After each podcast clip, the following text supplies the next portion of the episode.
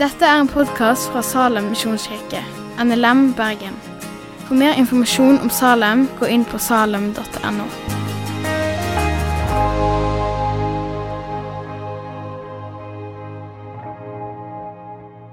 Kjekt å se dere. God lørdag. Jammen etter jeg. Nei, du, jeg har hatt en litt, sånn, eh, en litt spesiell arbeidsdag i dag. Jeg jobber jo her i Salem. Og eh, vi skal etter hvert gå inn i, i talen og i teksten inn i Jakobs brev. Og det har vært litt krevende. Jakobs eh, brev er jo litt krevende. Kapittel 1, syns iallfall jeg.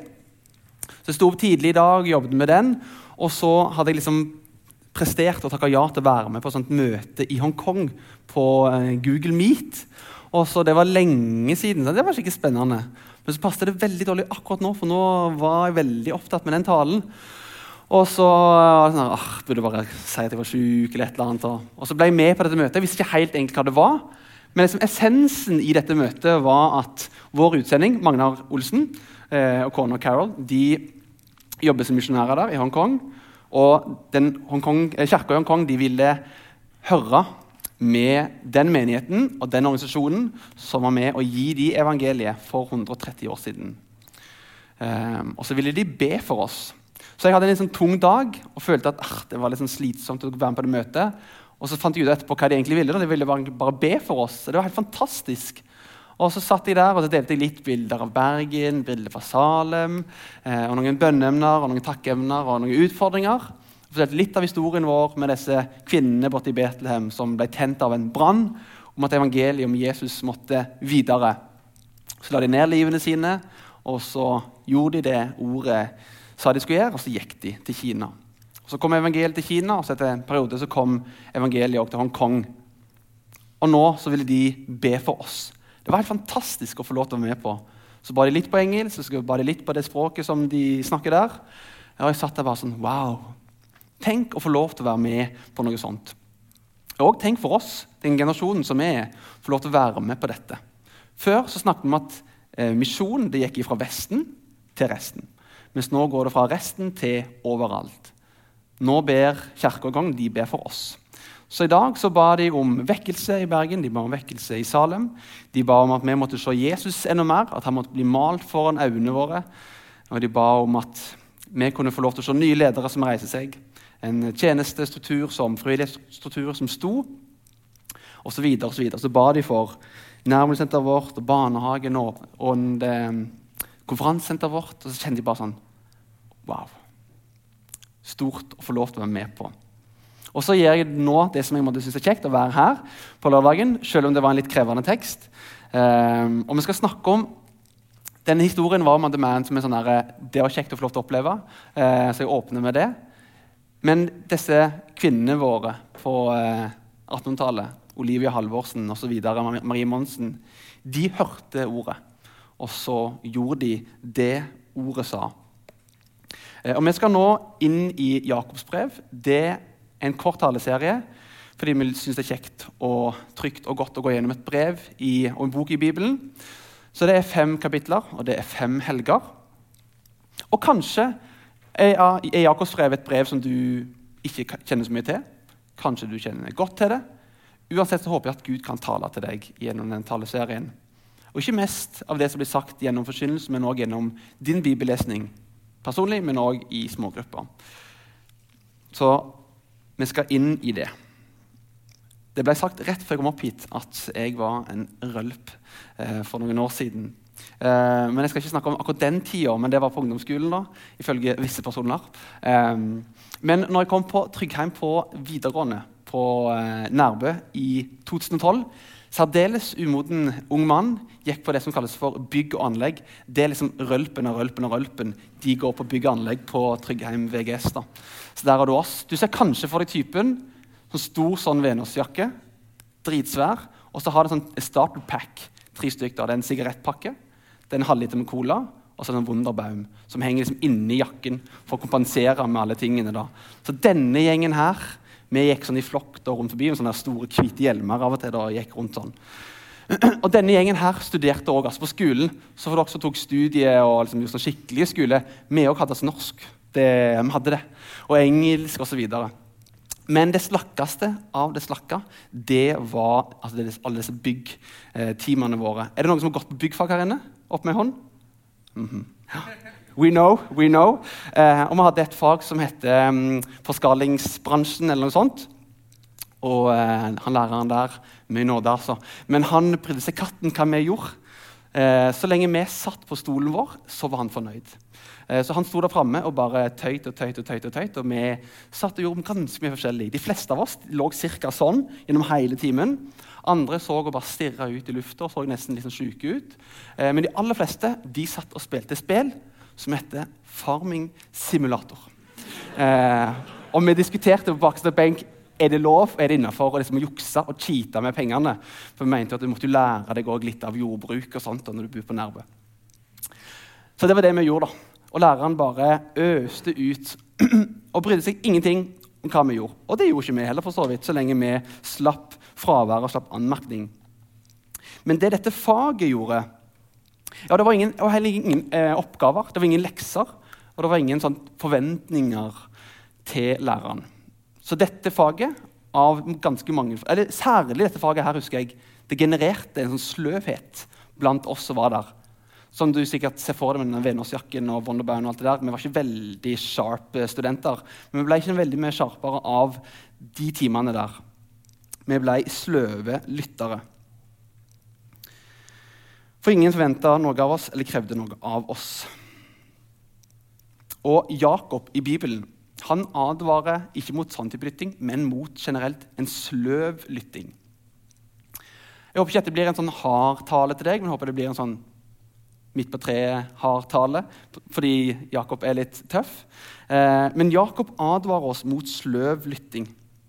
Mange av oss har vært kristne i en del år, og vi har fått høre Guds ord forsynt igjen og igjen og igjen. Kanskje gjennom gudstjeneste, kanskje gjennom bibeltimer på sommerleirer osv. Og, og lært oss sannheter. Og mange av oss ble født på ny på et tidspunkt og ble frelst. Og Jakob har et spørsmål til deg. Er du fremdeles en person som ønsker å lære, og som lytter? Eller har du blitt en person som er en ordets gjører? På veien, på vandringen i kristenlivet, er vi fremdeles lyttere som ennå ikke har blitt gjørere, lurer Jakob på. Er vi fremdeles bare ordets hørere og ikke ordets gjørere? For det å følge Jesus, det å være en disippel, handler om så mye mer enn å bare sitte og lytte. Som student på Tryggheim så var det å være en elev mye mer enn å bare sitte her og lytte. Grunnen til at jeg fikk bestått et fagbrev, var ikke nødvendigvis de skoletimene. Det var også praksis å være ute på feltet osv. Kristenlivet handler òg om å absorbere det som kommer til oss. Gjennom å lese det sjøl, gjennom å høre det. Absorbere Guds ord, absorbere evangeliet. Og på den måten skape en forandring i våre liv. Det var en introduksjon til Jakobs brev, kapittel 1, vers 19-27. Eh, og vi leser Jesu navn, så du kan være enten der eller i telefonen din eller fysisk bibel om du vil. Og Jakob skriver Dette må dere vite, mine kjære søsken. Enhver skal være rask til å høre, men sein til å tale og sein til å bli sint. For sinne hos et menneske fører ikke til det som er rett for Gud. Legg da av alt ureint og all ondskap og ta ydmykt imot det ordet som er planta i dere, og som har makt til å frelse sjelene deres. Dere må gjøre det ordet sier, og ikke bare høre det. Ellers vil dere bedra dere sjøl. For den som hører ordet, men ikke gjør det ordet sier, ligner en mann som ser seg på ansiktet sitt i speil. Han ser på det går sin vei og glemmer straks hvordan han så ut. Men den som ser inn i frihetens fullkomne lov og fortsetter med det, blir ikke en glemsom hører, men en gjerningens gjører. Et slikt menneske skal være lykkelig i sin gjerning. Den som mener at han dyrker Gud, men ikke holder tunga i tømme, bedrar seg sjøl, og hans gudsdyrkelse er uten verdi. En gudsdyrkelse som er ren og feilfri fra Gud, vår Far, er å hjelpe enker og foreldreløse barn i deres nød, og ikke la seg flekke til av verden. Slik lyder Herrens ord. La oss be. Gode himmelske Far, vi takker deg for det ordet som du nå har gitt oss. Du ser det som ligger foran. Du ser disse ordene. Vi ber om at du kan vise oss mer av hvem du er, Herre. Og Du ser dette brevet som har en vektlegging som vi kanskje syns av og til er utfordrende. Herre, Du ser at jeg ikke er perfekt, og vi er ikke perfekte. Men takk at du er perfekt, du er fullkommen. Må du vise oss denne balansen som Jakob tegner fram for oss. Så ber vi at Herre, du midt i alt dette kan stige opp for oss, slik at vi kan se deg og se det som du har gjort for oss. Og alle sa amen. Amen. Litt generelt om Jakobs brev. Jakobs brev tenker gjerne er skrevet av Jakob, bror til Jesus. Han ble en leder for menigheten i Jerusalem. Og Jakobs brev er en av de eldste brevene som vi finner i Det nye testamentet. Dateres ofte til en plass mellom 45 og 50 etter Kristus. Og Dette brevet var sånn rundskriv som ble lest opp rundt forbi i menighetene til kristne. Kristne jøder som var undertrykt. Og Jakob han særlig beskriver hvordan det er å være en kristen. Beskriver det, det kristne livet i menigheten. Og så er han så ekstremt praktisk. Jakobs brev er en av de mest praktiske bøkene som vi finner i Bibelen vår. Helt konkret. Og Det kommer tilbake litt i talen i dag, så prøver å være litt konkret fordi Jakob er det. Og Det viktigste som Jakob får fram, det er dette balansen mellom tro og gjerning. Jakob kaller en tro uten gjerning død. Og indikerer på den måten at dette rundskrivet som sendte rundt at deres tro en gang var levende, mens nå har han blitt død. Så det var en levende tro med gjerninger. Og så har gjerningene forsvunnet, og han indikerer at troen har blitt død for dem. For Jakob mener at en gjerning det er en naturlig konsekvens, en følge av troa. Når en person tror på noe, så vil enten han eller hun vil handle ut ifra det som en tror på. Ok, Jakob kommer med et sånt vekkerrop til oss kristne. Lev i samsvar med det du tror på. Det var vekkerropet til menighetene til Jakob på 50-tallet. Dette er vekkerropet til oss i dag. Lev i samsvar med det du tror på.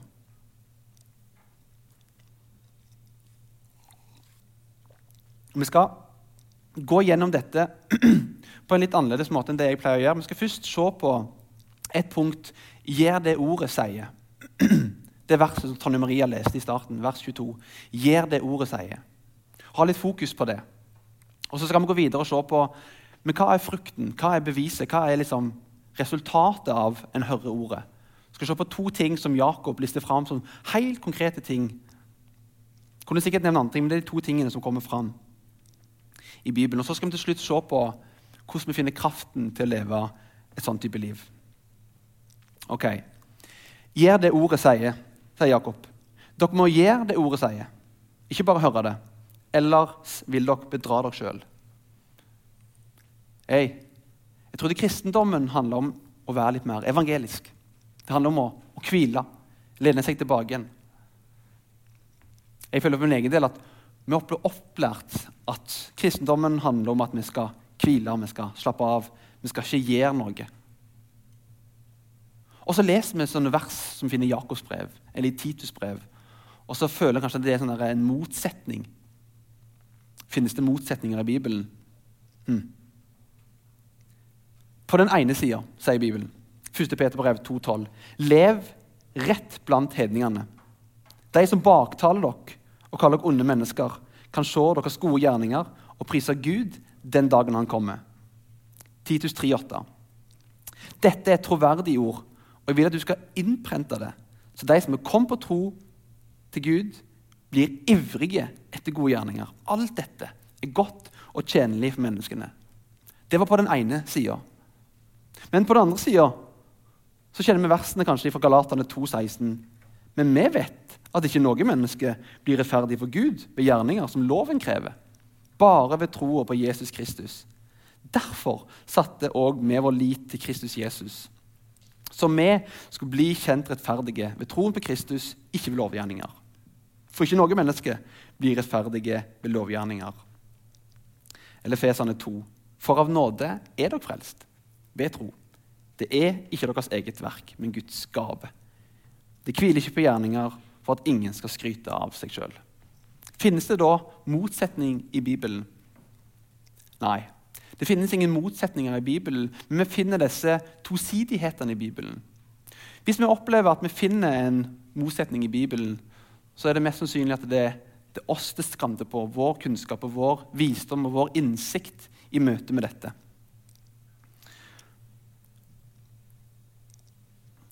Vi har ofte lett for å høre på en tale, lese en bok, høre på en podkast, høre på forkynnelse og tenke ved at jeg gjør det, da adlyder jeg Bibelen.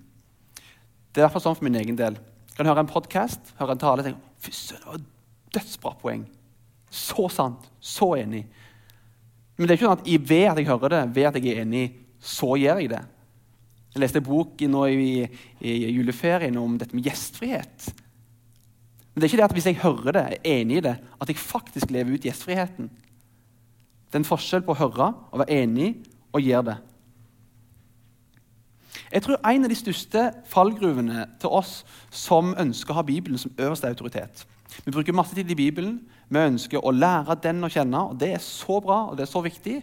Så er ikke det feil, men en fallgruve er at en blir så opptatt av å lese og høre at vi ikke tar oss tid til å gjøre. Det tror jeg det er en fallgruve i mitt liv. For hvis jeg leser og opplever at Gud taler til meg nå skal du be, Gjermund, og jeg sier yes, jeg skal be Men hvis jeg ikke ber, ber jeg da? Hvis en opplever at Gud sier til meg nå skal du tilbe Ja, yes, jeg skal tilbe. Men hvis en ikke tilber, eller hvis en opplever at Gud kaller deg til å bli kjent med naboene dine, så kjenner du ja, jeg må bli kjent med naboene mine men ikke ta steget til å gjøre det. Jeg har så lyst til å oppfordre deg til å tenke Hvis Gud For min egen del Gud kalte meg ut av den kristne bobla. Har vært i den kristne bobla hele livet. Kom til Bergen, studerte teologi, begynte å jobbe i Salem. Altså Definisjonen på den kristne bobla var liksom komplett. Fikk gullklokka i kristen bobla. Og så følte jeg at Gud talte til meg på en sånn menighetsplantingsviken at jeg må òg ta et steg ut av bobla. Så jeg hørte det, og jeg erkjente det. Men steget var faktisk å gjøre det. Å si nei til noe konkret i Salem og gå inn For meg har det blitt en løpegruppe. Men å høre og tørre å gå på det. Være en ordets gjører. Så Jakob han skriver, og han formaner menighetene og oss til å gi det ordet sier, og ikke bare høre det. Nå skal vi se på to ting som Jakob snakker om. At vi skal gjøre det ordet sier. Og så I løpet av teksten så nevner han i hvert fall tre ting. Vi skal se på to praktiske ting som han mener kommer fram. Nemlig at vi skal snakke mer enn vi lytter. Nei, vi skal lytte mer enn vi snakker. Det var ingen som hørte det. Vi skal lytte mer enn vi snakker, og vi skal være seine til å bli sinte. To helt sånn superpraktiske ting som Jakob lister fram for oss. Beviset eller frukten eller resultatet av å lytte til ordet. Rask til å lytte, sier Jakob. Enhver skal være rask til å høre, men sein til å tale. Tenk det! Ofte sitter jeg hjemme i mitt lønnkammer og tenker hva er applikasjonsverdien av denne teksten jeg leser nå? Her kommer applikasjonsverdien med en gang. Vi skal være raske til å lytte. Tenk det. Vi som kristne er kalt til dette. Jeg tror mange kjenner seg igjen her inne. Med de fleste av oss er relativt egoistiske. No offense. Men når vi sitter rundt et middagsbord, sitter rundt et styrebord, sitter rundt et kollektiv eller et um, kollokviegruppe, så kjenner jeg bare trangen til at nå vil jeg snakke. Nå vil jeg få min mening fram. Fordi den er så viktig, og den er så bra. Men Guds ord sier faktisk at vi skal være seine til å tale. Vi skal lytte.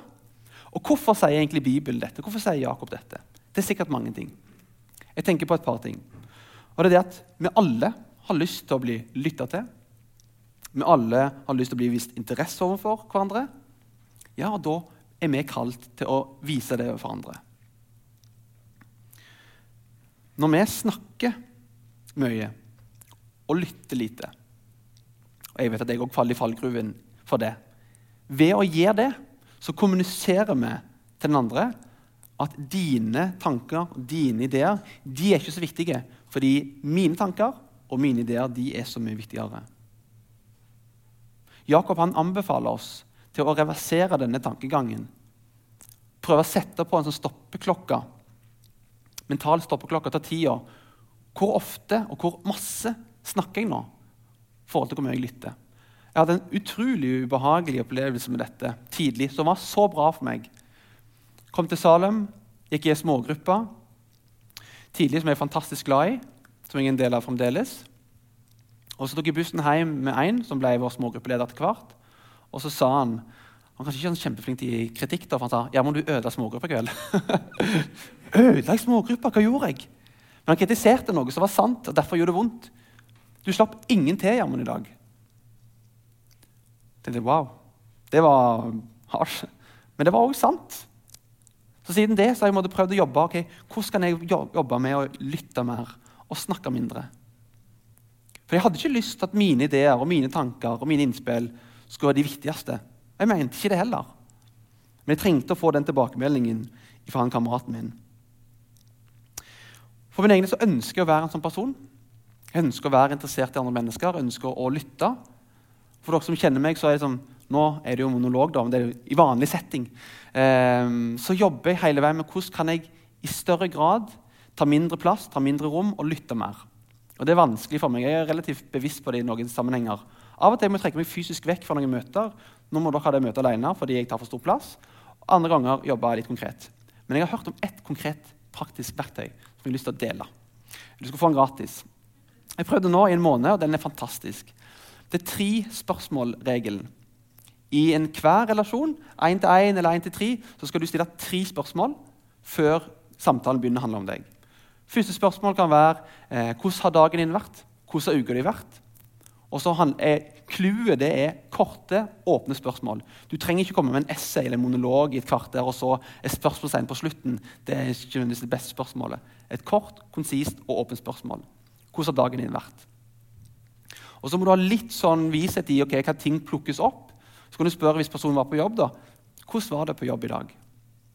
Og så kanskje plukker du opp noe i samtalen på jobb. Hvordan opplevde du egentlig den situasjonen på jobben din? Det tvinger vi sjøl til å gjøre, og kanskje du kan gjøre det samme. Så kan vi bli mer opptatt av andre og litt mindre opptatt av oss sjøl. Det er tre spørsmål. Ok, hva så? Hva betyr dette for mitt liv? Det betyr helt praktisk. Vi her inne, vi som følger Jesus, vi skal lytte mer enn vi snakker. En parentes kanskje det også handler om vårt bønneliv. Vi har så fort gjort for bare å snakke, snakke, snakke. Og så kan de si, Du går til legen og så bare snakker du i ett sett. Og så når du er ferdig, så går du. Får ikke legen muligheten til å gi et svar tilbake til deg. Men Jakob han skriver til noen som er kristne. Så de, har, de, vet kraften til endringen i livet. De vet at det er ikke deres kraft, men det er evangeliets kraft som er kraften til endring. Og Jakob han oppmuntrer leserne sine. Ok, dere vet hvor kraften er, men lev da ut den endringen. Demonstrer endringen. Det bor på innsida av dere, men, men, vis det. Og da tok han, Men særlig i måten på hvordan du snakker til hverandre. Vi skal være kjappe til å lytte, seine til å snakke.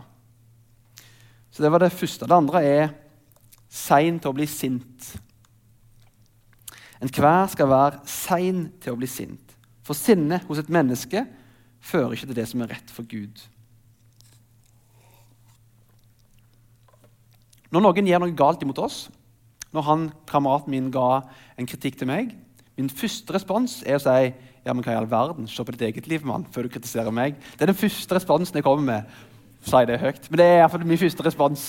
Det er ikke bra. Det er ikke bra. Eller hvis noen kritiserer noen i familien vår, eller så har vi lyst til å gi respons tilbake, i hvert fall i ord. Men en sånn reaksjon, det er ikke Gud. Men ære Gud han må begrense seg, holde litt igjen, klare å tøyle seg. Klare å prøve å søke å forstå den andre sin situasjon mer enn å komme inn og hoppe og bli liksom bang, bang. Da viser du sånn guddommelig kjærlighet i møte med andre mennesker. Kanskje trenger vi det. To bibelvers om dette. 5. Mosbok 29. Vær ikke snar til å bli sint, for sinne, det bur i dårens bryst. Det bur her inne i oss. Og Efesene 4, 26. Blir dere sinte, så synd ikke, og la ikke sola gå ned over deres vrede. Kanskje noen av oss har i vennekretser eller i familiekretser en person som sliter med, med sinne. Det er jo et litt sånn høyere nivå, og det kan være utfordrende. Og Hvis du har vært i en sånn sammenheng, så kan jeg si til de som ikke har det Sinne det er sånn utrolig sånn energitømmende greie. Det sløser for energi. Det skaper splittelse. Men Gud han ønsker fred, glede, overbærenhet, tålmodighet med oss. Men sinnet i oss det produserer det motsatte. Husker dere historien om Moses? Han dreper en mann i sinne, flykter i ørkenen, som gjør at Israelsfolket må ut i ørkenen i 40 år. Bibelen er full av eksempler, ikke bare som perfekte eksempler. Men det viser at sinnet ja, det bor i oss. Det er ikke nødvendigvis det beste. Jesus er et eksempel for oss. Han var mild, og han var tålmodig. Ok, Hva betyr dette for vårt liv? Igjen vi skal være seine til å bli sinte. Blir du fort sint? Slenger du med leppa? Hva gjør du hvis telefonselgerne ringer deg? Blir du sint eller ufin? Eller holder du deg saklig og hyggelig? Jeg syns det er litt slitsomt av og til. Jeg jobber med meg sjøl. Akkurat med de tar ikke denne trespørsmålsregelen, uh, forresten. Men uh, kanskje skal jeg det neste gang. En utfordring til meg sjøl på sparket. En liten historie. Det var to menn, to kollegaer, som hadde en skarp uenighet og diskusjon sammen på jobben. Og Så brøytes de av, gikk hjem fra jobben sin. og Den ene gikk hjem, så så han sola gikk ned, og så ble han minnet på denne, dette bibelverset fra Efesene 4. La ikke sola gå ned over deres vrede. Og Så slo det han. Ah, jeg tror jeg var litt for hard. Jeg tror jeg var litt for brutal.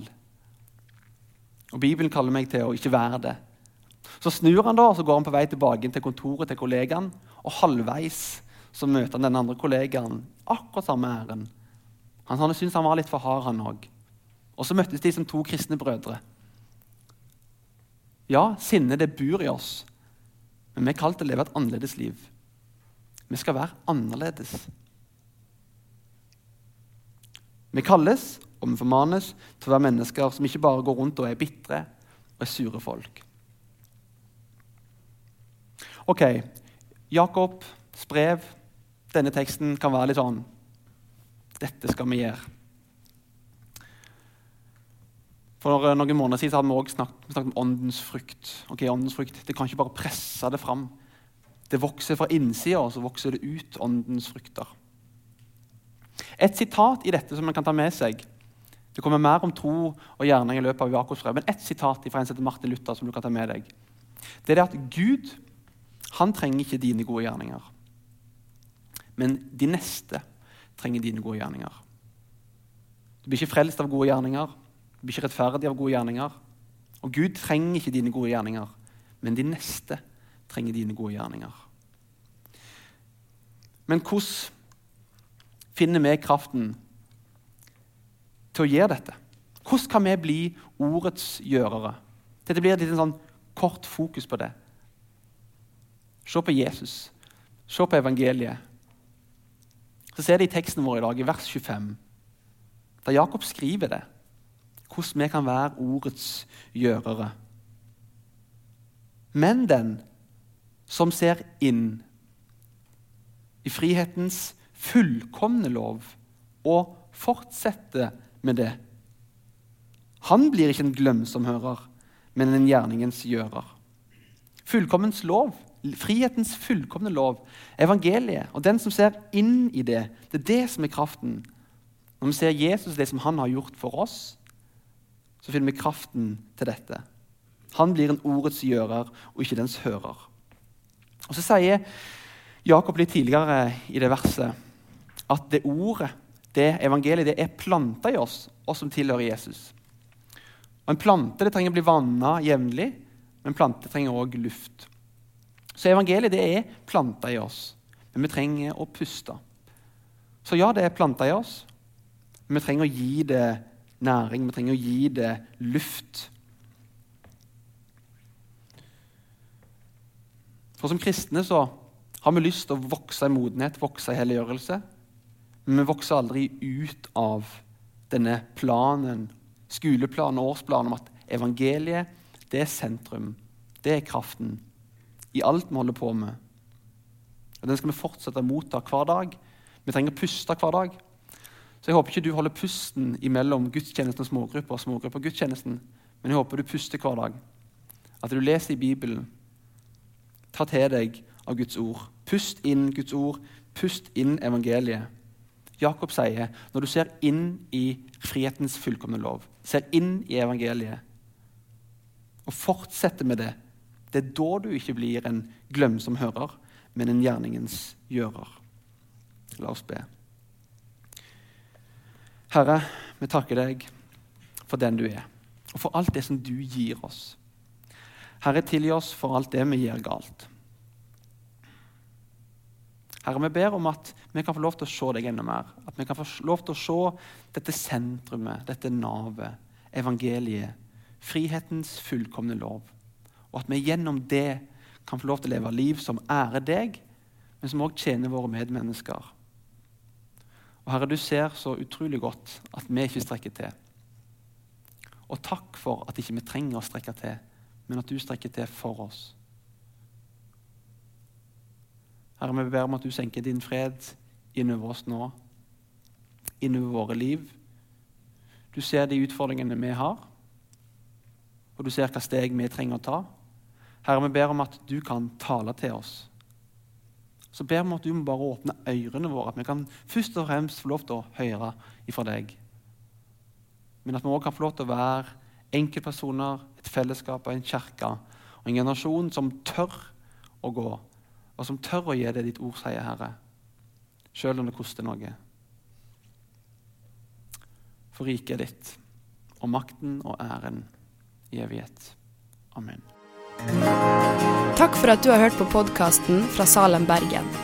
I Salem vil vi vinne, bevare, utruste og sende. Til Guds ære. Vi ønsker å se mennesker finne fellesskap, møte Jesus og bli disippelgjort her i Bergen og i resten av verden. Vil du vite mer om oss, gå inn på salem.no.